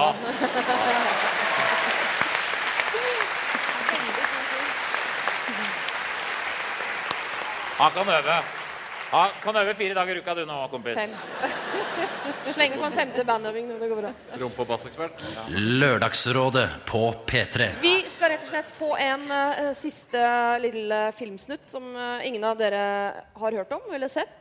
Um, Hemoroiden er bra bum, bum. det heter Touché. Ja, ok. Det heter Touché. Ja. Fordi eh, alle i dette panelet her har dårlige vaner. Eh, Ingrid, du har en tendens til for eksempel, å si Når du er redd for at du ikke skal si noe morsomt, så sier du noe med bæsj. Vi har jobbet sammen før. Det er en veldig dårlig egenskap. Dere merker jo det. Ja. Eh, du har nesten det samme problemet. Du har en tendens til i P3s lokaler ta med deg avis på do og bli der lenge. Og det er for oss vi ikke vite Altså, det er enkelt. Og jeg tror du er en av de som ikke vasker etter seg. Hvordan vet du at det er meg? Eller hvordan For jeg, har- jeg, har- jeg, har sett- jeg har sett deg gå inn med avis. Ja. På damedo. Dame Handicap. skråstrek handikapdo. Ja, ikke sant. Eh, Bård, hvor skal jeg begynne? Eh, vi skal se en liten filmsnutt hvor vi får etablert et problem som du visstnok har fått i det siste. Ok. Mm. Kjære Lørdagsrådet, jeg heter Harald Eia, og jeg har et problem jeg håper dere kan hjelpe meg med. Jeg har en god venn og kollega som heter Bård Tufte Johansen. Og han har en vane fått i den siste tiden med at han midt på dagen går til en personlig trener. Så midt i arbeidstiden så går han til en personlig trener. Vi jobber jo i et firma sammen. Det er et felles prosjekt. Vi skal prøve å dra inn penger. Han bruker en del arbeidstiden på å trene kroppen sin. Som jeg mener kanskje ikke kommer firmaet nødvendigvis til gode. Jeg har kritisert ham for det. Legg det på fritiden. Han mener det er en del av jobben, og det skal han kunne unne seg. Hva mener dere? Hvem har rett? Ja. Ja. Hva mener dere om det? Vis, ja, du visste at han var eh, irritert? Eh, nei, det visste jeg faktisk ikke. Jeg tror han er, er irritert på det, det visste jeg ikke. Han er jo Men han Harald er jo en han, han gjør det ikke så måte, synlig. Jeg sier at jeg gjør det. Men Ja. han sier at jeg kommer seint fordi det er noe med barna, og så ser jeg at han har vått hår. Ja. Altså skjønner du, Han prøver å snike seg til det. på en måte. Men du tror ikke han er sur fordi han etter at han kom i krisa, har jo trent veldig veldig mye. Nå syns han det er at du også At han er liksom sur, for han ville ha posisjon som Han er redd for at jeg skal bli enda større bryster Ja, enn enn han. han, ja. ja. nei, ja, Det kan jo være misunnelse. Han er ikke misunnelig type. Kanskje han er irritert. Jeg må snakke med han. Men er det, er det noe sånn at eh, er, For det er ikke det er det at du trener At du bruker arbeidstiden til å trene som er problemet, ikke at du er personlig trener. Ja, det, kanskje det òg, for det er ingen av oss hatt før. Okay. For det, så han Han vært det er imot litt det. fjollete, litt Han sånn der litt fjolte. Og så fikk jeg noen timer med det, og så, da booker vi bare sånn Klokka ett på tirsdag, det går bra. Så- Eller går det bra? Ja, han er veldig flott fyr, og vi har god kjemi. Og... Skikkelig knallhard type. Har du dårlig samvittighet? Føler du det har gått utover Eh, nei, jeg, litt. Det føles jo, det er jo litt flaut å komme tilbake. For vi har jo ansatte som jobber som tjener veldig dårlig, og som jobber veldig mye. Så er det flaut når sjefen går og trener. Og det Hender det du ettersvetter i viktige møter? Ja, det hender også. Men hvor Hva skal du syns hen med denne kroppen? Nei, jeg skal jo bare trene, da, for jeg har ikke så mye tid på ettermiddagene og kveldene. Nei, det skjønner jeg, men hvor skal du hen i livet med denne kroppen? Eh, Jeg skal jo helse og okay. se ålreit ut. Og bare, man må jo trene. Man, hvis, ikke man trener, hvis ikke man trener når man er over 40, så, så er det, går det ikke bra. Men man hver må dag? trene. Det er det jeg liksom tenker Nei, hver dag, nei. det er hver nei, nei, nei, det er tre ganger i uka, kanskje. Ja, for det hadde vært litt sånn, det hadde vært for mye, mye, Hæ? tenker jeg. Det er tre av fem. Det er- Tre av fem, ja. Tre av fem. Er det, er, må vi, altså han sier at det er en del av jobben. Er det det? Er det en del av jobben til Bård å se bra ut? Eh, nei, jeg, ikke som komiker. jeg har ikke ansatt Bård, men eh, jeg syns ikke det virker sånn. Nei, det virker sånn. Man kan være komiker selv om man har litt grann mage, f.eks. eksempel. Ja, ja. Det er fullt mulig. Kjenner flere jeg som har mage som er da. Si det, si. si det, si. Ja. Hvem nå det kan være? Si. Ja, hører ikke jeg, så. Nei, jeg syns det er Men, eh, Men du trener, du òg? Jo da, absolutt. Men ikke i Når trener du, da? Uh, jeg Nei, du må jo si det som er sannheten, da. Si det du sa i sted, før vi kom på her. Det du har gjort i det siste. Å, Herregud, hva har jeg gjort i det siste? Har det med trening å gjøre? Er det noe Dette med at du bare hadde tusla hjemme. Jeg har tusla mye hjemme. Du har, Nei, men det var det. han har gått ned masse vekt ved å tusle hjemme. Ja, men jeg har trent også, i tillegg til tusling. ja, Men du har tatt av deg litt, har du ikke det? Ja, altså, ja, absolutt. absolutt. Jeg Hvor mye har du tatt av deg? Det Altså- kan du gi. Jeg har gitt mye i dag. Nå syns du skal være ærlig og ikke svare sånn ironisk tullesvar. Ti kilo. Det er det sant?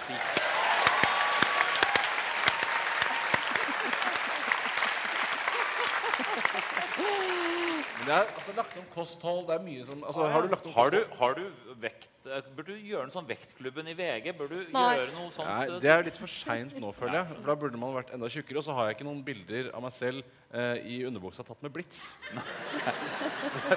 Fra den gangen du var tjukk? Ja, nettopp det. Jeg Det er det mangler. helt sikkert Men det andre fins svar. på nettet. vet du, Så kan du bare ta hodet ditt og så Ja, det går det er sant, det.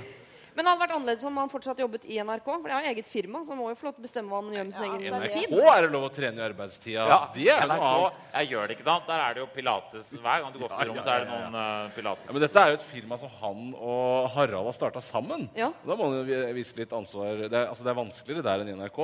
Det tror jeg. Nei, jeg er Jeg helt føler det er mer greit. For jeg, nemlig, Ja.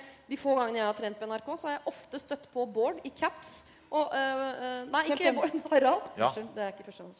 Harald Eia er veldig ofte nede i kjelleren på NRK og trener i arbeidstiden, da iført caps, og på steppmaskinen, folkens. Den som bare kvinner bruker. Men også Jon Almaas er der veldig mye. Han er der mye. Og han har rare øvelser. Han også har caps. Han har caps. Han også caps. Men han ikke har skalla, så merkelig. Men må man liksom være til stede i den jobben? Ruller ikke pengene inn uansett? Jeg tenker, det er bare, jeg syns dere skal få gjøre akkurat sånn som dere vil, men kanskje du skal spørre om han skal være med? Kanskje det er det han er Kanskje det sår er akkurat det jeg skal spørre om. Jeg skal, Ja. jeg skal spørre om han er sur på ordentlig, om han har lyst til å være med. Skal ikke være med der, da? Jo, kan jeg det? sier han da, som en gutteaktig ja. ansiktet hans. Ja, for Det kan jo virke litt sånn her også at uh, dere i utgangspunktet ikke har så mye å gjøre på dagtid i jobben. Og at det er mest sånn der, at det, er, eh, det å være der, så viser man initiativ. Noe som egentlig er litt meningsløst. Ja, Det er det det handler om. Det er derfor du tar den Det er sånn bilde du har i næringslivet. ikke sant? Ja, At det er, her er det 120 aktivitet, og så er det ikke så mye å gjøre. Ja. ja. er det det? Altså Du egentlig ikke trenger å være der? på en måte? Nei, det skjer noe, men jeg tror vi jobber jo mye lenger i NRK. da. Skal du jobbe til seks og sju og sånn? Ja vel. Kan, da. Ja. Gjør jo ikke det, men kan. Men hva er liksom viktigst? At firmaet går bra, eller kroppen? Firma. Firma er viktigst. Eh, det går bra. Kroppen, altså Helse er viktigst. Det Det er er, sånn. viktig, Helse viktigere enn firma. Helse, helse er viktig. Ja. Ja. Så du setter PT, altså personlig trener, foran Nei, men det er, det er helse. Altså, fi, hvis det går utover firma, så kan jeg ikke gjøre det. Det blir et veldig kjedelig eh, segment. Hørte jeg som veldig voksen. Firma kommer først. Det er viktig med omsetning og båndlinje.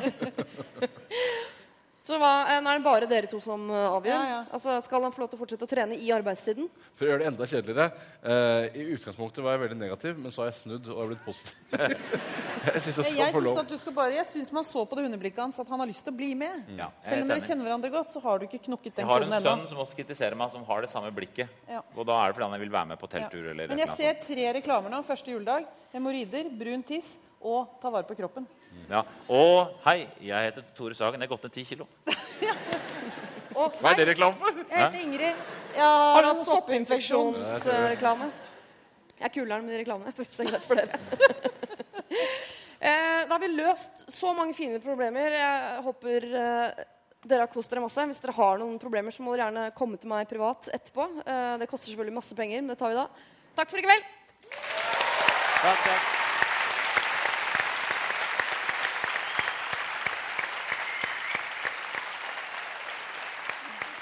Dessverre så må jeg jo eh, få lov til å si at eh, Lørdagsrådet for i dag er ferdig. Eh, Vi har hørt tre timer nå hvor vi har gått gjennom dette liveshowet som jeg jo har nevnt noen ganger, som vi hadde på Chateau Neuf på tirsdag.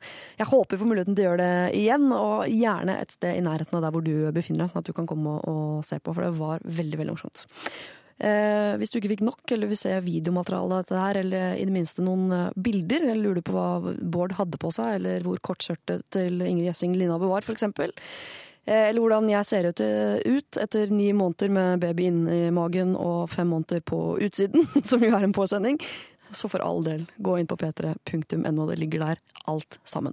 Hvis du vil høre det hele om igjen fra starten, eh, var det noe du ikke fikk med deg, eller kom du inn litt seint, så kan du laste ned podkast i iTunes eller via nrk.no podkast. Vi er tilbake om en uke. Da er det ordinær Lørdagsrådet-fest i tre timer. Eh, Jeg kommer, og jeg vil veldig gjerne høre hva som er eh, ditt problem. Jeg er helt sikker på at vi kan løse det sammen. Send det inn. eh, Da er adressen lralfakrøll.nrk.no.